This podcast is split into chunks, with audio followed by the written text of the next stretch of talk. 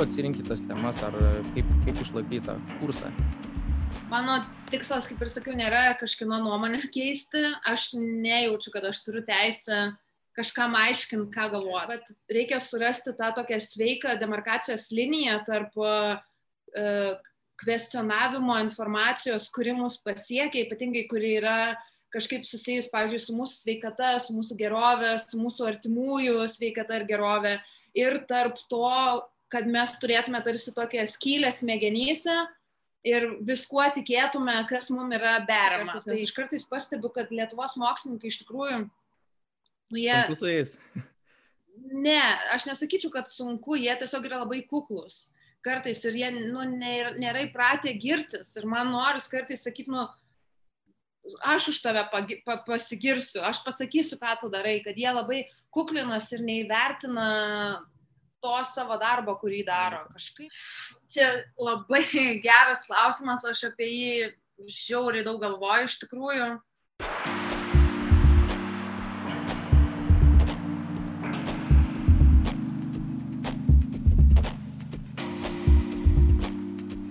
Sveiki visi žiūrintis ir girdintis. Aš esu Algymantas Kvecys, skeptikų draugijos narys. Ir mes su kolegomis nauji skeptiko, skeptikų draugijos nariai atnaujiname draugijos veiklą ir, ir, ir nuo šiol darysime aktyvę komunikaciją, kursime įvairių turinį skeptikų draugijai aktualiomis temomis ir, aišku, e, viešajam diskursui. Tai ir šiandien, šiandien darome pirmąją video pokalbį laidą ir mūsų svečias yra Goda Raibytė. Aš taip ne, ne, nepatingėsiu ir, ir, ir, ir ne, nepasikuklinsiu, pasakysiu turbūt girdimiausias mokslo populiarinimo vardas Lietuvoje, tai turbūt Goda patvirtins ar paneigs, pamatysim.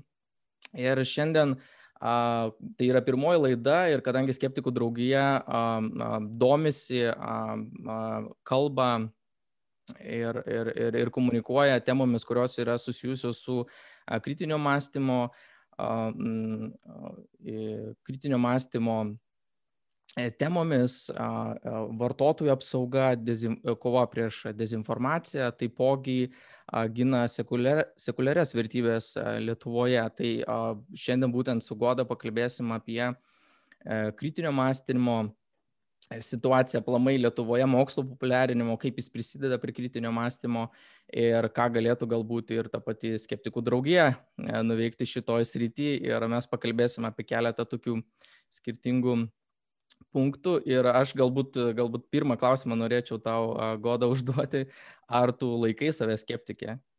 Taip, e, ir kaip čia pasakyti, su pasididžiavimu save taip pristatau skeptikė ir stengiuosi kuo labiau lavinti šitą savybę, nes aš manau, kad čia yra skepticizmas yra kaip įgūdis, e, kurį reikia lavinti tai žinai, started from zero, from zero ir dabar tai buvo jau šiek tiek aukščiau esu, bet, e, bet jo, laikau save skeptikę. Taip. Okay. Kaip e, tu galvoji, kadangi tas žodis irgi dabar vis, vis dažniau ir vartojamas, ir kritinio mąstymo savoka, skepticizmas, kaip tu manai, kur yra riba tarp skepticizmo ir abejojimo viskuom, tiesiog perdėto skepticizmo ir galbūt tokio nihilizmo, kuris, kuris gali ir pakenkti pakenkt e, tam ir, ir diskursui, ir, ir pačiam asmeniu, kaip, kaip tu matai tai? Aš e, mat, matau tai kaip e, tokią amžiną diskusiją, kur nėra vieno atsakymo tokio ir man atrodo, kad atsakymas keičiasi kažkiek laiko. Ir man labiausiai turbūt patiko Karlo Seigano mintis apie tai, aš labai myliu jį ir jį kaip skeptiką taip pat labai gerbiu ir jis pasakė, kad vat, reikia surasti tą tokią sveiką demarkacijos liniją tarp kvestionavimo informacijos, kuri mus pasiekia, ypatingai kuri yra kažkaip susijus, pavyzdžiui, su mūsų sveikata, su mūsų gerovė, su mūsų artimųjų sveikata ir gerovė.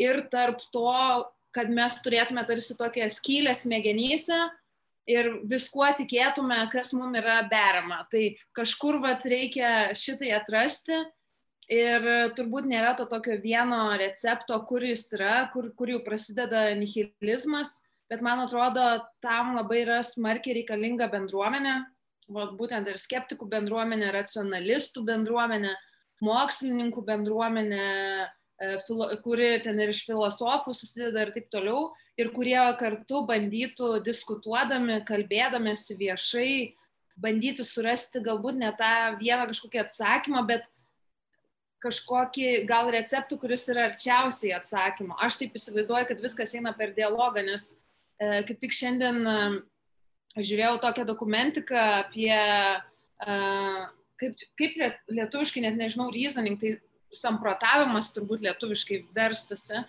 Ir kad esmė, kad, kad tas samprotavimas daugiausiai vaisių pagal tyrimus, kurie rodo, atneša tada, kai yra, e, kai bendruomenė bando bendruomenė, kuri tuo užsiema, bando surasti vieną atsakymą. Nes, pavyzdžiui, jeigu kažkas ten, pavyzdžiui, reikia spėti, kiek, man reikėtų dabar atspėti, kiek ant tavo galvos yra plaukų.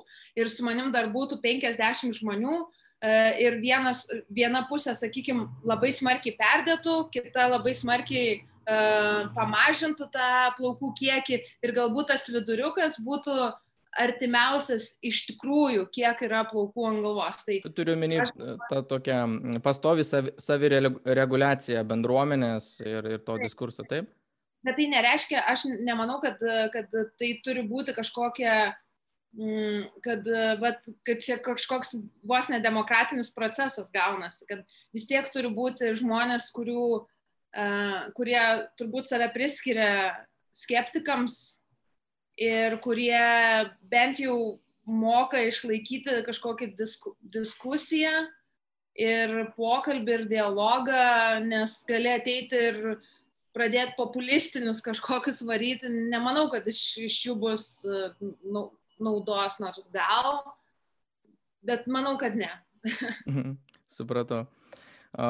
Kaip aš prieš tai sakiau, kad drįsau savo pasakyti, kad tu galbūt būsi e, populiariausias mokslo populiarinimo veidas Lietuvoje. Ar tu su tuo sutinki? Ne. E, aš manau, kad mes dar netgi neturim to tokio populiariausio, nebent populiariausias iš nepopuliariausių, kaip čia taip įvardinti, kad mes, nu, jeigu mes turėtume kažkokią mokslo populiarinimo bendruomenę, jeigu turėtume uh, mokslo žurnalistų daugiau, ne, ne, ne technologijų reporterių, bet mokslo, būtent žurnalistų, kurie rašo apie mokslą, Taip. daugiau laidų, daugiau viešos diskusijos apie tai, tada galbūt ir galėtume rinkti kažkaip vat, šitas vat, matomiausias veidas. Aš galbūt esu tokia, nu, nagliausia, kur ten ir Facebook'e varau, ir Instagram'e, ir LinkedIn'e. Išnagluoju, man... išnagluoju iš to. Tai va, aš gal vat, tiesiog gar, garsiausiai kalbu, bet nemanyčiau, kad čia kažkokia, nežinau, matomiausia ir panašiai. O kas Dar... tie, o kaip tu sakytum, kas tie, kas tie veidai pagrindiniai yra, arba kanalai, sakykime, kurie tikrai gerą darbą e, nuveikia? E, Aš manyčiau, kad mokslo sriuba labai gerą darbą daro, jie, e, nu, čia jų, jie turi tokį stilių pasirinkę, tai ar tas jų komunikacijos stilius arba patinka arba nepatinka, bet jie vis tiek e, populiarina mokslą. E, taip pat yra vat, visai toks nesenas projektas išpakuota. E, jie labiau apie ekologiją, klimato, klimato temomis komunikuoja, bet irgi komunikuoja. Tada yra visokios atskiros iniciatyvos, atskiri žmonės, kurie stengiasi kažkaip asmeniškai užsimta mokslo komunikaciją. Pavyzdžiui, Aivaras Vilutis, Kastytis Zubovas. Kastytis Zubovas turi ir Konstantą LT e, savo e, tinklaraštį, kurį jau rašo kiek 13, 14, gal net daugiau metų, nu kažkiek ten, kur kiekvieną savaitę duoda, e, duoda turinio ir, ir šiaip dalyvauja renginiuose, skaito paskaitas. Mačiau, kad yra naujas projektas Digi klasė, man atrodo. Jo. Irgi yra kviečiama įvairių skirtingų mokslo stričių ekspertai. Yra tokios iniciatyvos kaip Makerspace'ai, Technariumas, robotikos mokykla ir panašiai, kurie, kurie tokį hands-on labai tą patirtį mm, irgi komunikuoja, bet irgi maždaug pasako. Tu turiu minį labai pritaikomas, ta prasme, tokias žinias ir temas, kurios tiesiog kas, kas, kas, kasdienybėje galėtų, galėtų būti panaudotas. Maždaug kaip iš savo, kaip iš savo šaldytuvo pasidaryti robotą. nu, kad nereikia ten kažkokių specialių labai įrankių, kad galėtum kurti technologijas. Bit and byte, aišku, uh, nu, daug yra tų iniciatyvų tikrai pavienio, aišku, nėra tokių sistemingų iniciatyvų. Tai aš norėjau pasitikslinti, tai kaip bendrai tu vertintum tą mokslo populiarinimo situaciją Lietuvoje, sakykime, ir kalbant apie pačius kanalus, tą konsolidavimą tos informacijos, ant kiek jie stiprus, ant kiek jie patys kūrė turinį, kiek tiesiog perkopijuoja, ant kiek stipri ta yra bendruomenė ir lyginant vis tiek mes sekam visokius kanalus, blogus, portalus užsienio, kurie vykdo šitą misiją, jeigu taip galima pasakyti. Tai kaip, kaip tu vertintum tame fone Lietuvą? Daug, čia daug klausimų viename yra. Tai pirmas bendrai mokslo populiarinimo situacija. Tai aš manau, kad nu, nėra tos mokslo populiarinimo sistemos Lietuvoje, yra pavienės iniciatyvos, kurios, nu, kurios nėra kažkoks sisteminis apraučas. Tai yra pavienės iniciatyvos, jos yra labai gražios, tie žmonės daro tikrai didžiulį gražų darbą, bet jos, nu, ne, tai nėra kažkokia sistema, e, kaip mokslininkus paruošti, kaip žurnalistus paruošti, kaip išmatuoti galų gale tą mokslo komunikacijos e, poveikį visuomenė ir taip toliau, nėra atliekami tyrimai ir taip toliau, nu, žodžiu, yra daug tokių.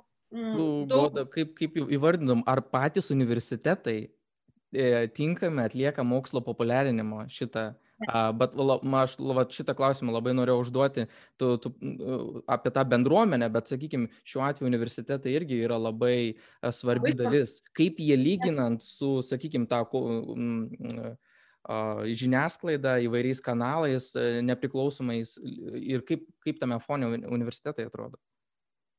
Lyginant su žiniasklaida, tai nu, vėl priklauso apie kokias mes žiniasklaidos priemonės kalbam, bet šiaip bendrai, sakykime, jeigu lygintume Lietuvą bendrai tarptautiniam kontekste, e, Lietuvos universitetus ir šiaip mokslo įstaigas, tai yra mokslo vykdančias įstaigas arba įstaigas, kurios yra atsakingos už mokslo ir inovacijų plėtrą Lietuvoje, tai, nu, apverktina situacija yra iš tikrųjų, nes uh, tam, kad komunikacija tai yra įgūdis, kurį reikia tobulinti, kurio reikia mokytis Ir mokslininkas vadinasi tam, kad jis galėtų tapti mokslo komunikatorium, jis turi būti apmokomas tai daryti ko Lietuvoje nėra. Yra kartais kažkokie pavieniai kurseliai mokslininkam ir panašiai, bet tai yra, nu, nu, per tiek laiko tu neišmoksi to daryti. Plus, e, žinoma, kad žmonėm už darbą reikėtų apmokėti.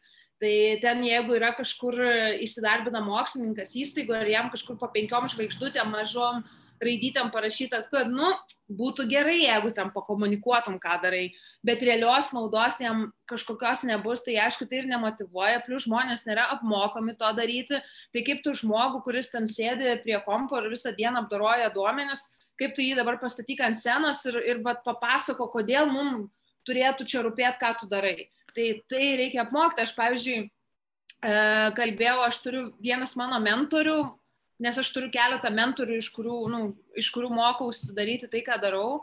Yra vienas iš, kaip čia pasakyti, atstovų, spauks, visu, atstovų visuomeniai uh, iš CERNO. Amerikietis toks mokslininkas Steven Goldfarb. Tai CERNas jį siuntė į kursus ten, į BBC ir taip toliau, ir jis mokė su geriausiais žurnalistais, geriausiais komunikatoriais, kur sakė, vos neuždaro tam sem kambarėlį ir, ir tu turi mokytis, nu, uždaro ir muštruoja tave ten kažkokie profesionalai, kol tu išlemeni kažkokį sakinį apie tą dalelių fiziką ar ten kažką.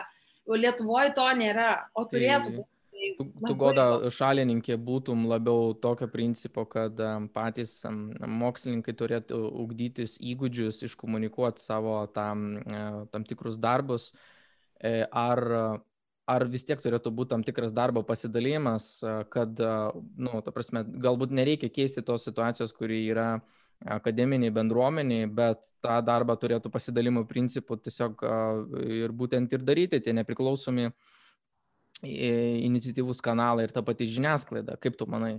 Aš manau, kad jie geriau tą darbą atliktų. Aš trečią variantą parinkčiau. Tai ne mokslininkai turi imtis iniciatyvos, o mokslo įstaigos visų pirma turi imtis iniciatyvos paruošti mokslininkus tai daryti ir sukurti sistemą, kuri motivuotų mokslininkus mokytis ir tada komunikuoti. Kad e, nebūtų taip, kad, nes tai yra darbas, tai, tai už darbą reikėtų apmokėti, tai kad tie žmonės būtų ir paruošiami darbui, ir paskui jiems būtų atitinkamai atsilyginama. E, tai aš esu už tai labai ir kartu aišku, kad e, aišku, žiniasklaida irgi turi atlikti tie kanalai, vat, laidos ir taip toliau, jie taip pat turi savo funkciją. Jiems reikia, pašne, toms laidoms reikia pašnekovo, man reikia pašnekovo, kurie galėtų papasakoti e, visuomeniai apie tai, ką daro ir įdomiai papasakoti. Ir nebijotų pasigirti kartais, nes aš kartais pastebiu, kad Lietuvos mokslininkai iš tikrųjų, nu, jie... Sunku su jais. Ne, aš nesakyčiau, kad sunku, jie tiesiog yra labai kuklus kartais ir jie nu, nėra, nėra įpratę girtis. Ir man noris kartais sakyti, nu, aš už tave pagi, pa, pasigirsiu, aš pasakysiu, ką tu darai, kad jie labai kuklinas ir neįvertina to savo darbo, kurį daro. Kažkaip vat yra, kad... Galbūt kad toks įprotis tam tikras, kuris turi susiformuoti Taip. O kartais būna, kad net tie, kurie jau komunikuoja Facebook'e, yra užpuolami kitų, vad nesenai turėjau tokį atvejį, e, yra toks jaunas mokslininkas, aš jo neįvardinsiu tiesiog, e, kuris užsiema mokslo populiarinimu, labai savo mokslo, kurį vykdo labai intensyviai ir jam puikiai sekasi, jis ten turi daug tarptautinių pasiekimų ir taip toliau, bet jį vat užsipuolė to mokslo keletas atstovų, kurie taip nedaro ir kurie sako, ką tu čia Facebook'e ir Instagram'e skelbėsi, taip arogantiška, čia tau visi turi už gražias akis vos nedėkoti ir taip toliau. Tu čia laikus renki ir vat, vat, tai dar susilaukia, aišku, čia nėra tik Lietuvos kažkoks fenomenas, čia yra visur, kad tie, kurie eina komunikuoti, nes vis tiek reikia šiek tiek ir pasigirti ir tai yra normalu, kad va, aš tą ir tą dariau, ten ir ten buvau ir taip ir taip buvo faina ir kad e, kažkaip e, į tai labai skeptiškai dažnai yra sureagu, sureaguojama iš kolegų pusės, kad vos ne, kad čia yra kažkas blogo girtas. Tai čia tokia nuostata ir lūkesčiai turbūt yra tam tikri sudėlioti ant tam tikrų Sunku. E, profesijų ir kartais netgi asme, asmeniškai, ta prasme, tai kas čia įvyko per vieną dieną. Gali būti ir tokia reakcija.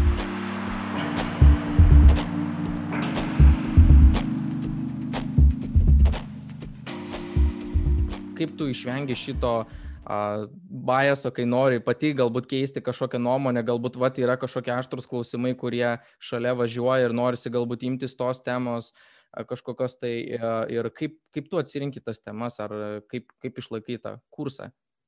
Mano tikslas, kaip ir sakiau, nėra kažkino nuomonę keisti. Aš nejaučiu, kad aš turiu teisę kažkam aiškinti, ką galvoti. Aš, mano tikslas yra skleisti tą žinias, bandyti sudominti mokslu ir mo, pažinimu šiaip, tiesiog sužadinti žmonių smalsumą e, tam tikrom temom, o ne kažką pakeisti, nes žmonės, man atrodo, jie yra protingi, jie yra smalsus, aš taip galvoju.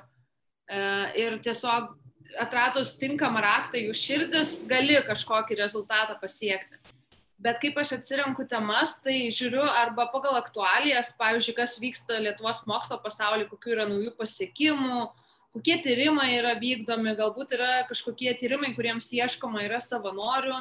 Tai pasikviečiu tą mokslininką, kuris vykdo tyrimą, pakalbėti apie savo tyrimų sritį ir kartu mm, paraginti žmonės, sakykime, sudalyvauti, būti tapto tyrimo savanoriais ir panašiai žiūriu, kokios pasaulyje yra aktualijos. Pavyzdžiui, jeigu tai yra ten marsaigio paleidimas, ar ne, tai bandau gauti mokslininko, kuris dirba prie to marsaigio uh, intervą ir panašiai, nu, kažkokiu tada gal kas nors vyksta dirbtiniam intelekte, kažkokia yra nauj, naujas proveržys, nauja technologija. Galbūt yra, nu, į, įvairiai yra, galbūt yra kažkoks šiaip, vat, jaunas lietuvi, lietuvis mokslininkas dirbantis kokioje įdomioje srityje. Pavyzdžiui, e, kalbinsiu šią savaitę ja, mokslininkė, kuri, aišku, jinai nedirba Lietuvoje, bet, bet ji tyrinėja vandenynus ir būtent tyrinėja banginius. Tai man taip įdomu, kad, kad vat, mes turim tokių mokslininkų ir man noris ir jų veidus parodyti. Tai įvairus, įvairus būna procesas, o jeigu temos kontroversiškesnės, pavyzdžiui, dariau apie sekso mokslą, mm. tai, tai vienas principas yra išlaikyti moksliškumą laidos, tai yra ne, nežinau, ne, nenusirišti į kažkokio bulvarinio reikalo, ten tiesiog, kad, kad jau neskanu būtų klausyti. Ir trečias dalykas yra nenusižengti įstatymus. Tai yra ir vaizdai turi būti atitinkantis uh, įstatymus ir žurnalisto etika ir klausimai turi būti atitinkami ir, ir pašnekovas turi būti atitinkamas ir, ir to pašnekovo atsakymai irgi, nu, bet pagal tai pašnekovas mes ir pasirenkam, man atrodo. Mm. Tai, tai vairiai, nors vienos temos va, dar man nepavyko suformuluoti, aš noriu padaryti apie psichodelikus, psichodelinius narkotikus laidą Taip. ir suformuluoti tokią temą, kad tai nebūtų kažkokia narkotikų propaganda ir panašiai, kad būtų kalbama būtent apie mokslą, bet kartu, kad nebūtų galima laidos tos pritemti prie, uh, prie kažkokios narkotikų reklamos, kas jau yra, kas jau yra baudžiama įstatymų, kaip sakoma.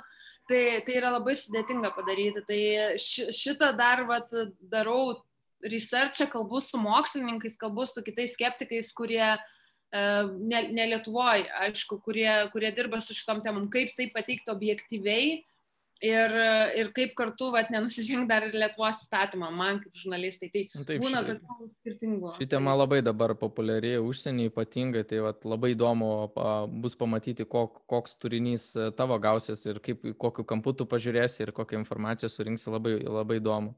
Man irgi įdomu iš tikrųjų šitą temą ir vat, noriu apie ją garsiai kalbėti, tas, kad etika jos ir jos tas įstatyminis dalykas yra toks ant ribos dėl to. Tu vat minėjai, vat pašnekovus. Biškai... Pašnekovus mokslininkus ir kaip, kaip vat, sekantis mano klausimas susijęs su tom, kaip, ar yra buvę tokiu atveju, kai nu, labai nepataikiai su, su pašnekovais, prašoviai arba e, neto tikėjai ir ar yra kažkokių padarytų, ta, a, a, asmeninė kokia tavo patirtis? Uh, šiaip paprastai pašnekovai, kuriuos kalbinu, jau yra išbandyti, kaip sakoma. Juos iš kažkur žinau, esu kažkur girdėjus ir taip toliau, bet yra buvę, kai dariau laidą apie meilę, ieškojau, uh, ieškojau psichologų ir psichoterapeutų, kurie iš psichologinės pusės apie tai papasakotų. Uh, Ir, ir buvo, kad buvau suradus pašnekovę ir aš tada labai džiaugiausi, kad galiausiai aš jos nepakviečiau. Man užteko pažiūrėti tiesiog jos Facebooką, ką jinai postina. Ir pagalvojau, čia nu, labai ne, nemokslišką požiūrį turi, labai, nu, toks, kur jau nuėjęs beveik į tą gydimą kristalais, kažkokią tai energiją, kvantinę ten ir taip toliau va, va tiek trūko, kad aš jau ten, jau, jau, jau vos netariausi su ją ir tada galvoju, nu pažiūrėsiu, ką jinai čia savo Facebook'e postina. Tiesiog, um, o ar čia dar yra kažkokiu buvę per tiek metų, galvoju dabar. Mm. Yra gal buvę mokslininkų, kurie sunkiau kalba, paskui sunkiau yra sunkiau juos prakalbinti, paskui ten sunkiau išrašyti arba sunkiau padaryti laidą arba reportažą apie tai. Uh, Yra buvę, kur aš pati labai e, susijaudinu, nes kalbu su kažkokiu wow, ten mokslininku ir pati jaučiu tą fangirl momentą ir ne, ne taip gerai išvedu pokalbį, kaip norėčiau išvesti, sakykime, nes, nes būna, kad, o, wow, ką aš kalbinu, ką aš kalbinu, o siaubė, o siaubė, o siaubė, koks čia žmogus širdis tik kalatojas, kalatojas. Ir jau praleidau mintį ir jau, jau kažką ten klausinė ir taip toliau yra tokių dalykų buvę, bet e, man atrodo, nu, svarbu yra mokytis iš savo klaidų vat, ir visada pasidaryti tą dar ir dar vieną savo kažkokį researchėlį apie asmenį, kurį, kurį tu kviesiasi laidą, nes labai yra lengva prašauti, labai lengva yra kokį nors žmogų, kuris nu jau ten, nors ir dirba mokslinį darbą, bet kartais gali turėti kaip žmogus kažkokių šališkų, nelabai gristų pasakymų arba mėgti taip aštriau pakalbėti, pavyzdžiui. Ir kažkaip tas aštrumas irgi gali būti kažkaip priimamas ne taip ir panašiai. Mm. Nu, čia yra daug, daug tų, kur gali paslysti, daug tokių vietų, bet mm. reikia, reikia daryti. Kol kas atrodo, nesu jau tokio labai prasileidus. A, yra vieną kartą buvo, prisiminiau dabar, um, vo, aš jo nepakalbinau, bet va tiek trūko irgi, kad būčiau jį kalbinus, buvo toksai, yra toksai mokslininkas, masos E, kaip jūs, man atrodo, Richard Hoover, jeigu teisingai prisimenu, ir jį buvo atsivežę Open Readings konferencija, kuri šiaip yra gamtos ir fizikos mokslo konferencija, kur atrodo labai, nu, legit viskas. Mokslininkai atsirenka kitus mokslininkus ir kviečia juos į mokslinę metinę konferenciją, kuri vyksta jau daug metų. Ir tas žmogus atvažiavo į Lietuvą ir, ir aš ten turė, buvau su juo susitikus, aplankėm Lietuvos mokslo akademiją ir taip toliau ir kažkaip mum kalbant prie kovos, aš jo iki tol nežinojau, bet taip kažkaip keli jo pasakymai užstrigo, kad jis kažkaip vat, nurašo ten NASA, čia meluoja, čia visa, visa taip, visa tai. Nu ir aš tada, kai jau mes baigėm mūsų susitikimą, tiesiog paskaičiau jo istoriją ir pasirodo, jį, jis dirbo iš tikrųjų NASOI, bet jį išmetė dėl to, kad e, jis pradėjo ten aiškinti, kad atrado meteoritų su nežemiškos kilmės bakterijom, kas tai tarsi rodo nežemišką, nežemiškos gyvybės egzistavimą ir aišku savo pareiškimams neturėjo įrodymų. NASA jo tyrimus atmesdavo, nes e, tie jo ne tik NASA, bet šiaip akademinė bendruomenė, nes tie straipsniai, tie analizės būdavo parašytos, nu, jų metodika buvo visiškai ten e, nesąmoninga ir galiausiai mokslo bendruomenė jo pareiškimus, jo tezes, jo teorijas atmetė. Ir jis, matyt, liko labai įsiskaudinęs dėl to ir dėl to, vat, kaltina dabar dėl visko NASA ir taip toliau. Tai va tiek irgi trūko, kad būčiau ten kažkokį interviu su juo padarius, su žmogum, kuris yra mokslininkas, bet jau nelabai tai moksliniai bendruomeniai priklauso, va tiek trūko. Nu, tai turbūt visada svarbiausia yra padaryti korekcijas ir, ir, ir iš, ištaisyti tą turinį tiesiog ir nurodyti, nes ne visi, ne visi tą sugeba padaryti iš tikrųjų. Tai, tu prasme, turi tam tikras auditorijas, įdėjo kažkokį tai darbą, pagamino tam tikrą turinį ir nesinori, nesinori grįžti prie jo atgal, netgi jeigu ten buvo neteisinga informacija arba pašnekovai net, nu, netinkami ir panašiai. Ir klausimas, jeigu jau yra ta, ta naujiena paleista, kaip tu išmatuosi, ar tie patys žmonės, kurie tą pradinę naujieną perskaitė, perskaitys, ar išgirs, ar peržiūrės ir paneigimą. Tai jau tu kažkokią žalą vis tiek padarai. Bet būdamas žurnalistu, būdamas komunikatorium, nu, tu turi prisimti šitą atsakomybę ir turi kartu prisimti, e, kaip čia pasakyti, tą riziką, kad ir tu taip gali padaryti. Ir aišku, aišku, reikia mokytis savo klaidų, reikia pripažinti, kai tu jas padarai, kas yra labai sunku, nes nu, žmonėms sunku yra klysti ir pripažinti viešai, kad klydai, bet, bet šita rizika tikrai yra ir nu, jos neišvengsi. Čia jau ateina toks, kaip sakoma, kain, darbo kaina. Žinoma. Um, norėjau pereiti į tokį kitą, kitą klausimą susijusiu galbūt su tokiu, ar galima, galbūt tokiu paradoksu. Kaip, kaip, visų pirma, kaip tu manai, ar tos mokslo populiarinimo tas rytis turi didelį potencialą plėstis e, Lietuvoje ir to pačiu žiniasklaidoje ir tarp nepriklausomų, koks tas potencialas yra. Ir ar negali būti, kad, sakykime, visuomet, kur yra kažkokia spraga ir potencialas kažkokiem naujiem veikėjim, kanalam, uh, gali atsirasti tiesiog didesnis rautas žinių, kurios, kurias bus labai sunku tikrinti. Ir jeigu mes turim, sakykime, kitas temas apie um, saviugdą, spiritualizmus visokius, ten horoskopus, ten ir taip toliau, turim daugybę įvairių temų, kur, kuriomis yra labai daug turinio sukūriama. Ir jeigu, sakykime, mokslo populiarinimo, tem, sakykime, visa ta tokia sritis pasidarys tokia nu, jau į mainstreaminę panaši, sakykime, ir atsiras daugiau žurnalistų, bus labai sudėtinga tikrinti tą informaciją, ypatingai kas yra susijęs su nepriklausomais kanalais. Kaip matai šitą, ar negali toks paradoksas pasidaryti, kad kaip, kaip ir pavyzdys, nežinau, kaip, ką tu manai apie technologijos LT puslapį.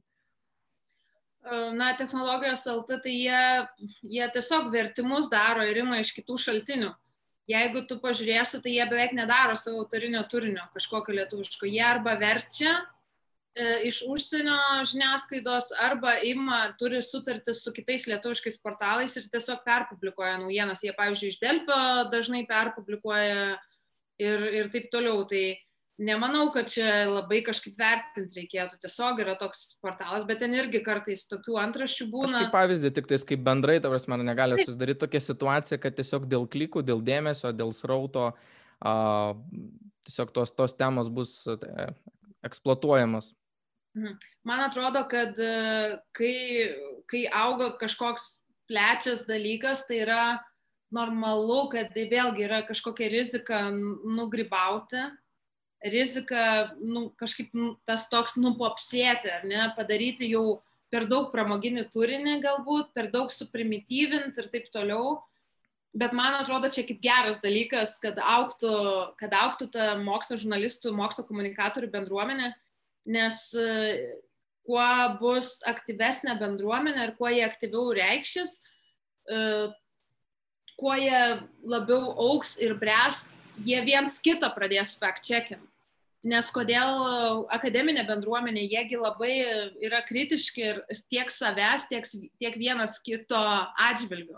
Ir jeigu jau kas nors kur nors nugribauja, nu tikrai kas nors anksčiau ar vėliau pastebės. Pastebės, pastebės. Taip. Tai vat, man atrodo, kad taip netgi būtų geriau, jeigu tai vyktų, pavyzdžiui, su mokslo žurnalistika, kad, kad, kad būtų tokia bendruomenė, kad būtų krūva žmonių, kurie viens kitą tikrintų, nes vis tiek tai yra žmonės, kurie moka dirbti su šaltiniais, moka dirbti su naujienom, tai nu, kažkaip gal bendrai kaip tik pakeltų tą kokybę. Potencialų tai aš matau labai daug. Aš laukiu, pavyzdžiui, nuvaž, nuvažiavus kur nors ten, mat, kad į Europos ten mokslo žurnalistų suvažiavimą kokį, žurnalistai ten iš didžiųjų valstybių, ten, ar ten pasaulio mokslo žurnalistų suvažiavimas, atvažiuoja ir jie turi vieną savo sritį, kurie, kurie domis, kurie rašo, nu, pavyzdžiui, kosmoso technologijos, skrydžiai į kosmosą, biotehnologijos, dirbtinis intelektas, robotika. Ir yra žurnalistas, kuris tik tuo domis, tik apie tai daro viską, rašo, daro laidas ir panašiai, ir tik gilinas. Ir jis, jo tos ekspertinės žinios yra labai aukštas. Ir tai yra labai gerai, nes Lietuvoje mes dar tokios prabangos neturim. Lietuvoje vienas, vienas mokslo žurnalistas turi apie viską rašyti ir tai dar padaro daugiau, kaip sakoma, plyšių erorams, nes e, reikia ta, vienam žmogui reikia labai daug temų suprasti, labai daug įsigilinti. Gerai, kad, pavyzdžiui, aš turiu kažkokių kontaktų ir jeigu aš kažko nesuprantu, aš parašau mokslininkui mailą ten ar net per Facebooką, jeigu turiu, sakau, žiūrėk, ar čia nenusišneku, jeigu tai pasakysiu ar panašiai. Ar ten gilinės, gilinės, kol bandai kažką suprasti. Bet, bet to labai reikia ir labai ilgai užtrunka šitas procesas, bet jeigu plėstus tą bendruomenę, e, auktų poreikiai žiniasklaido ir redakcijoje būtų ne tik žmogus atsakingas už vertimą, bet būtų keli žurnalistai, kurie rašo, sakykime, savo temoms, tai čia atrodo idealus pasaulis. Tai jau siekiamybė, tokia potencialo tikrai yra žmonėm, tai yra iš tikrųjų įdomu. Ir, ir žmonės domis domis mokslu ir jie yra, man atrodo, jeigu jiem kuo įdomiau tą turinį pateiksi, tuo jie daugiau šansų, kad jie ir domėsis. Man labai šviečia saulė į veidą, bet gal nieko tokio. Tai pasikoreguok tą kamerą, kaip tau būtų patogiau turbūt. Oi. Jo, nes. Žinai ką, gal aš. Išdegs akis. Jo, aš gal užtrauksiu užuolaidą, oi.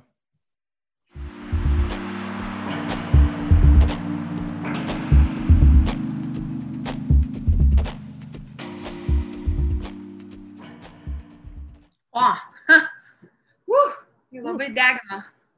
Super.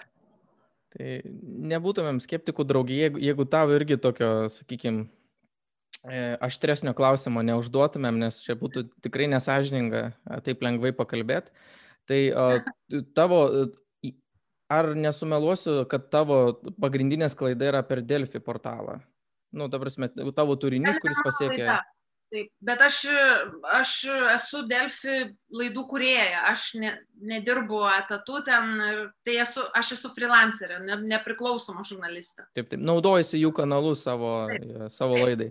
E, kaip, kaip tu manai, kiti portalai irgi turi daugybę skirtingų skilčių ir vat, nesenai vat, vakar atsidariau specialią peržiūrą, nes man ta tema labai įdomi yra. Taip pat, sakykime, vat, e, ties pagrindiniu meniu visuomet rasi horoskopus. Ta prasme, šalia pa, pačių svarbiausių e, e, temų. Ir lygiai taip pat Delfi e, šita, šita kategorija irgi yra labai ryški. Ir mano tiesiog klausimas būtų, kaip tu manai, kai a, pats klaidos kanalas a, turi labai tokią diversifikuotą informaciją ir e, ar jis neturi tam tikros pareigos atsižvelgti į kokį turinį paduoda visuomenė. Ir šiuo atveju įvairūs, sakykime, pseudomokslo tam tikros kryptis, kurios yra jau, kaip, sakykime, folkloras pasidaręs, ar neturėtų kažkaip atsakingiau į tai žiūrėti, ar nurodyti kažkaip, kad ta informacija yra nepatikima galbūt arba nepatikrinta ir kažkaip, nu, tiesiog atsakingiau žiūrėti, ar tai nenuvertina tavo darbo, nes tu kaip ir iš, iš vienos pusės prisidedi prie to kritinio mąstymo, e, skiepijimo ir mokslo populiarinimo, bet iš, iš, iš kitos pusės tą, tą pačią auditoriją bombarduoja visiškai kita informacija, kuri gali turėti visiškai priešingą efektą. Tai aš norėčiau, kad tu pasiplėstum ir galbūt kaip tu matai šitą dalyką. Čia labai geras klausimas, aš apie jį žiauriai daug galvoju iš tikrųjų kaip ten turėtų būti ir man yra ir gaila, ir skaudu, kai aš suprantu, kad mano laidą internete, kai ją rodys internete, ne, ne telikė, bet internete peržiūrės ten 20 tūkstančių žmonių, o horoskopus perskaitys milijonas. Tai, tai nu, to, toks suvokimas. Nu, kažkas tai tokio, jo, pavyzdžiui, mhm. metiniai, metiniai horoskopai, tai maždaug vat, tiek ir yra kartu klikinami. E, nei viena mano laida tiek nėra buvus peržiūrėta ir tada galvoju, turbūt nei viena Lietuvoje mokslo laida, ten kažkoks epizodas neturi lemo peržiūrų. Tai, tai toks yra, nu, va dėl to kažkaip ir liūdna ir skaudu kartais būna. Aš nemanau, kad tai nuvertina mano darbą, nes, nežinau, aš gal taip asmeniškai nepriimu šitų dalykų. Aš paliūdžiu, bet kad galvočiau, kad čia kažkaip nuvertina mano darbą, taip tikrai nėra. Ir aš matau, aš žinau, kad dabar labai mado yra mm, Delfi linksniuoti, kalbant apie, to, apie antraštės, apie, apie horoskopus ir panašiai, bet tai daro visos komercinės Lietuvos žiniasklaidos priemonės. Aš sutinku tikrai, taip. Tai yra visos žiniasklaidos problema ir, ir aš stengiuosi ir tiek mes, kai su kolegom diskutuojam, uh, ir aš kažkokiose va, diskusijose dalyvaudam ir panašiai stengiuosi pasisakyti, kad aš esu taip kaip žurnalistė, kaip mokslo žurnalistė, aš jaučiu pareigą prisimti atsakomybę už informaciją, kurią aš šeriu, kurią aš pateikiu. Šeriu, čia toks labai skambus įsireiškimas, duodu savo auditorijai, sakykime, kurią pateikiu savo auditorijai. Ir aš esu už ją atsakinga.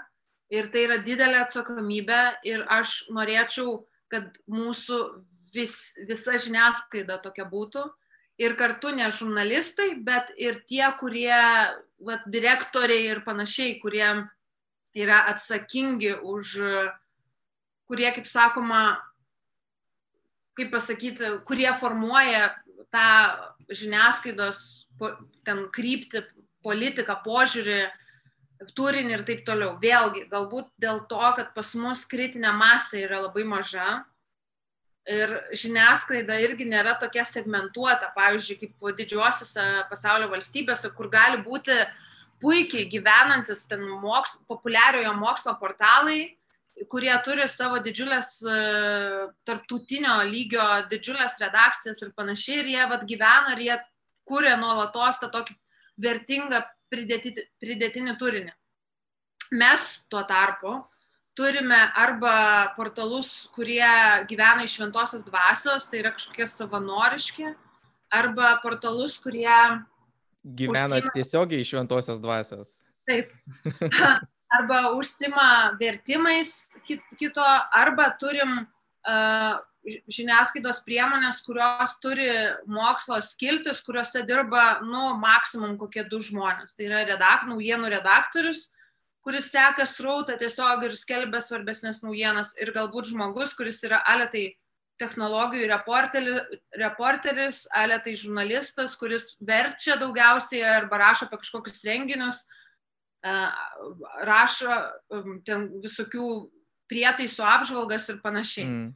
Tai jeigu jau kokie du, trys žmonės dirba redakcijų, kurie yra atsakingi už mokslą ir technologijas, tai jau čia nu, labai daug yra. Tai čia palyginimui tiesiog koks yra bendras lygis ir kaip yra, um, sakykime, nu, sunku, bet vėlgi nėra kažkokios segmentacijos to žiniasklaidos, kaip uh, nėra to tokio, mes vėl neturim portalo, kur būtų skelbiamos mokslo. Bendrai, kaip, kaip manai, ar reikėtų dėl to kažką daryti? Ta prasme, ar, Manau, turėtų, ar turėtų kažkas į tą sureaguoti? Aš e, skaičiau žurnalistų etikos kodeksą ir tam tikrus dar kitus teisinius reglame, reglamentavimus apie teisingos, būtent apie teisingos informacijos patikrintos e, sklaidą. Ir kaip tu manai, ar tai ne, nesikerta būtent su šitom a, nuostatom? Kaip, kokia tavo nuomonė?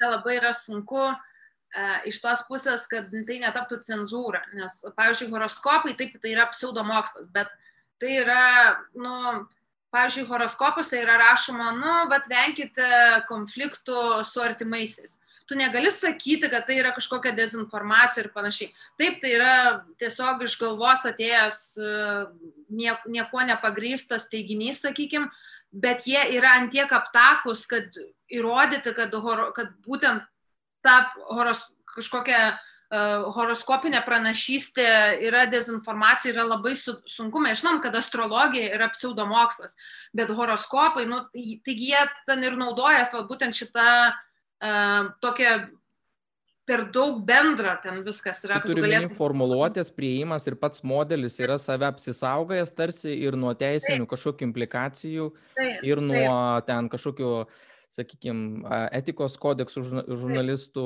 Taip, vertinimo. Tai yra labai, nu čia ne žurnalistai, nes horoskopus ne žurnalistai rašo, Taip. horoskopus rašo astrologai, aletai, kabutėse. Taip, tai, tai jo, tai aišku, vat, nuo to paneigimo labai sunku yra paneigti horoskopus, nes yra visokie confirmation bias, yra visokie psichologiniai savigalbos momentai, kurie, vat, kurie vat, žmonėms ten, sakykime, veikia ir panašiai. Ir tai čia va tokia yra slidi situacija. Kitas dalykas vėlgi yra, kur yra cenzūra, kur yra, kaip jeigu mes jau pradėsim kažkokią informaciją reguliuoti, e, kur yra ta riba tarp cenzūrų, kad nu, neprasidėtų cenzūr, cenzūravimas informacijos. Čia yra labai labai kritinis momentas, nes, pavyzdžiui, kartais e, dezinformacija, nu, pavyzdžiui, aš manau, kad kas yra susijęs su medicina, su skiepais, tai yra labai lengva ar neatskirti. Jeigu sako, kad skiepai sukelia autizmą, tai jau yra įrodyta, tai jau yra dezinformacija. Tai jeigu kažkoks žurnalistas parašytų straipsnį, paimtų kiguolio interviu kaip skiepų eksperto ir, ir būtų, ir tame straipsnėje būtų teigiama, kad vat, skiepai sukelia autizmą, tada būtų galima skūsti ten žurnalistų etikos e, inspektorių ir sakyti, kad šitas veikėjas, šitas žurnalistas, šita redakcija skleidžia dezinformaciją. Bet e, kolegos jau, e, bent jau save gerbiantis kolegos, Kiguolio šitais klausimais nebekalbina ir, ir nesutikė jam tos, jam tos auditorijos, nors su vienu televizijos kanalu rudenį ar žiemą, kada čia buvo dar toks įvykis, kai pasikvietė Kiguolį kalbėti kaip 5G ekspertą. Man atrodo, tai yra labai blogai. Bet ta riba, kaip, pavyzdžiui, bet žmogus ten, nežinau, kalba apie kokią kažkokį tai reiškinį ir panašiai, kur, kuris yra vat, labai aptakus ir jo konstruktas visas yra labai sunkiai paneigiama. Sako, va, aš tikiu, kad vaiduokliai egzistuoja. Nu, bet tas žmogus sako, kad tai yra jo nuomonė ir jis tiki. Tai ar tu jo tikėjimą cenzuruosi, čia yra labai, labai, nu, labai. Skirtumas, skirtumas yra, nu, turbūt sutiksi nemažas tarp cenzuravimo atskirų asmenų, kurie turi tam tikrus tokius nenuginčiamus įsitikinimus, kur ir formuluotės e, gali būti tiesiog, nu, ne, nebūti ten ginčio, bet yra kitas klausimas, kai yra arba institucijose, sakykime, tam tikras klaida vykdoma ar per kanalus ir taip toliau. Tai yra turbūt kitoks keisas. Bet, bet vėlgi, e, man labai patinka Polo Ofito, Apollo Sofitas čia toks, e, jis šiaip yra mokslininkas, e, vienas iš roto skiepo kuriejų ir labai aktyvus skiepų propaguotojas ir taip toliau. Ir jisai vad kalba būtent ne tiek apie žiniasklaidą, kiek apie mokslo žurnalistiką, kaip reikia, tiksliau, kaip teisingai rašyti apie mokslą, kad nėra tokio dalyko kaip alternatyvus faktai. E, mokslė tai yra faktai arba ne faktai. Nu, nėra taip, kad, e, kad gali vat, pasodinti imunologą, kuris tyrinėja skiepus ir tada pasodinti šalia jo kikuolį kaip lygiavertį ekspertą ir jie tegu diskutuoja kaip lygiaverčiai ekspertai. Ne, jie nėra lygiaverčiai ekspertai. Yra žmogus, kuris atstovauja mokslą, kuris daro tyrimus su tuo, kuris dirba su tuo, kuris turi tam išsilavinimą ir yra kiguolis, kuris nugūglina realiai. tai kai juos pasodina, pat, būtent apie 5G, kai pasodina kažkokį mokslininką ir kiguolį e, kalbėti apie 5G ir kiguolį pristato kaip 5G ekspertą, nu man, tai man jau yra baisu tai man jau yra, e, nu, ne, tai, tai atrodo pavojinga, bet kita vertus aš tada galvoju, nu, kur, kaip vat reikėtų tada sus, sudaryti tą reguliacijos sistemą, kad to nebūtų.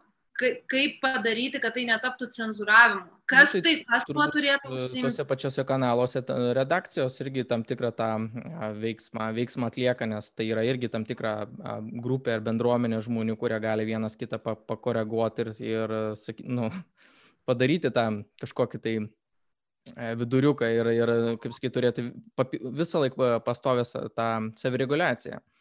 Tai... Man atrodo, kad, e, sorry, kad pertraukiu, tas, ta prasme, viduriukas, man atrodo, yra tas, kad, e, kad nu, vat, jau tarsi ir supranta kolegos, kad kiguolio apie skiepus kalbėti jau nebereikia kviesti. Jeigu jis kalba apie tą savo dvarą, jeigu jis kalba ten apie pramogų pasaulį ar kažką, bet ne medicininiais mokslo klausimais. Tai yra vis daugiau nebekalbama apie auras kažkokias, na prasme, vis daugiau yra suvokimo ir tarp pačių žurnalistų, kas yra mokslas, kas yra pseudomokslas. Ir ypatingai, man atrodo, ši pandemija daug pamokų Um, daug pamokų mokė žmonių, tame tarpe ir žurnalistų, kaip atsirinkti šaltinius, uh, kaip pateikti faktus ir taip toliau. Dar nėra idealu, bet man atrodo, kad tikrai lygis per šituos metus pakilo ir žmonės, žurnalistai yra imlus ir moka naudoti šaltiniais ir išmoka labai daug dalykų, ko prieš tai, ne, nu, mm. prieš tai tikrai buvo daug blogesnė. Ir pandemijos pradžioje visas nušvietimas E, kad ir su koronavirusu susijusios informacijos buvo daug prastesnis negu yra dabar. Aš matau didžiulį progresą ir, ir reikia, nu, dėl to reikia pasidžiaugti, kad vis link to artėjom. Aišku, e, ne tik žurnalistai tame dalyvauja, kaip tu ir sakai, yra redakcijos, redakcijų politika, bet irgi nėra nei vienos redakcijos, kurie nori pateikti blogą informaciją. Prasme, patikimos žiniasklaidos priemonės, didžiosios tos Lietuvos ar ne, visų jų tikslas yra įdarbinti profesionalus ir pateikti informaciją tinkamai. Ir, ir yra mm. vat, kažkokie dalykai, kur vat, vis tiek ir tie horoskopai. Aš nežinau, kodėl jie vis praslysta. Vat, man norėtų susėsti su visų portalų direktoriais ir vyriausiais redaktoriais ir padiskutuoti šito klausimu. Aš, Nes jie, man atrodo, turėtų savo argumentų. Aš e, negaliu žadėti, bet galbūt ir tą padarysim. E, aš šitą, šitą temą horoskopų e, paminėjau, bet norėjau galbūt vat, paskutinį klausimą tau užduoti ir to pačiu, nes mūsų jau pokalbio valandėlė bėga, bėga į pabaigą ir norėjau tiesiog gal tokį kaip ir palinkėjimą, galbūt ir savo tokį uh, nerimą galbūt iš, išreikšti. Kaip, kaip tu manai, kokios yra tos temos, kurios galbūt ir, ir mūsų draugijai būtų aktualios, bet iš tavo pusės, kurios galbūt nėra taip ištyrinėtos, to viešo diskurso yra nepakankama ir kur, kad, kurios tu matai turi tokią didelę problematiką, kuriuom reikėtų tikrai daugiau dėmesio skirti. Kaip tu manai? Tai mokslo žurnalistika. Mokslo žurnalistikos politikos formavimas, indėlis bendrai redakcijose ir taip toliau, apie ką reikėtų tikrai daugiau diskutuoti.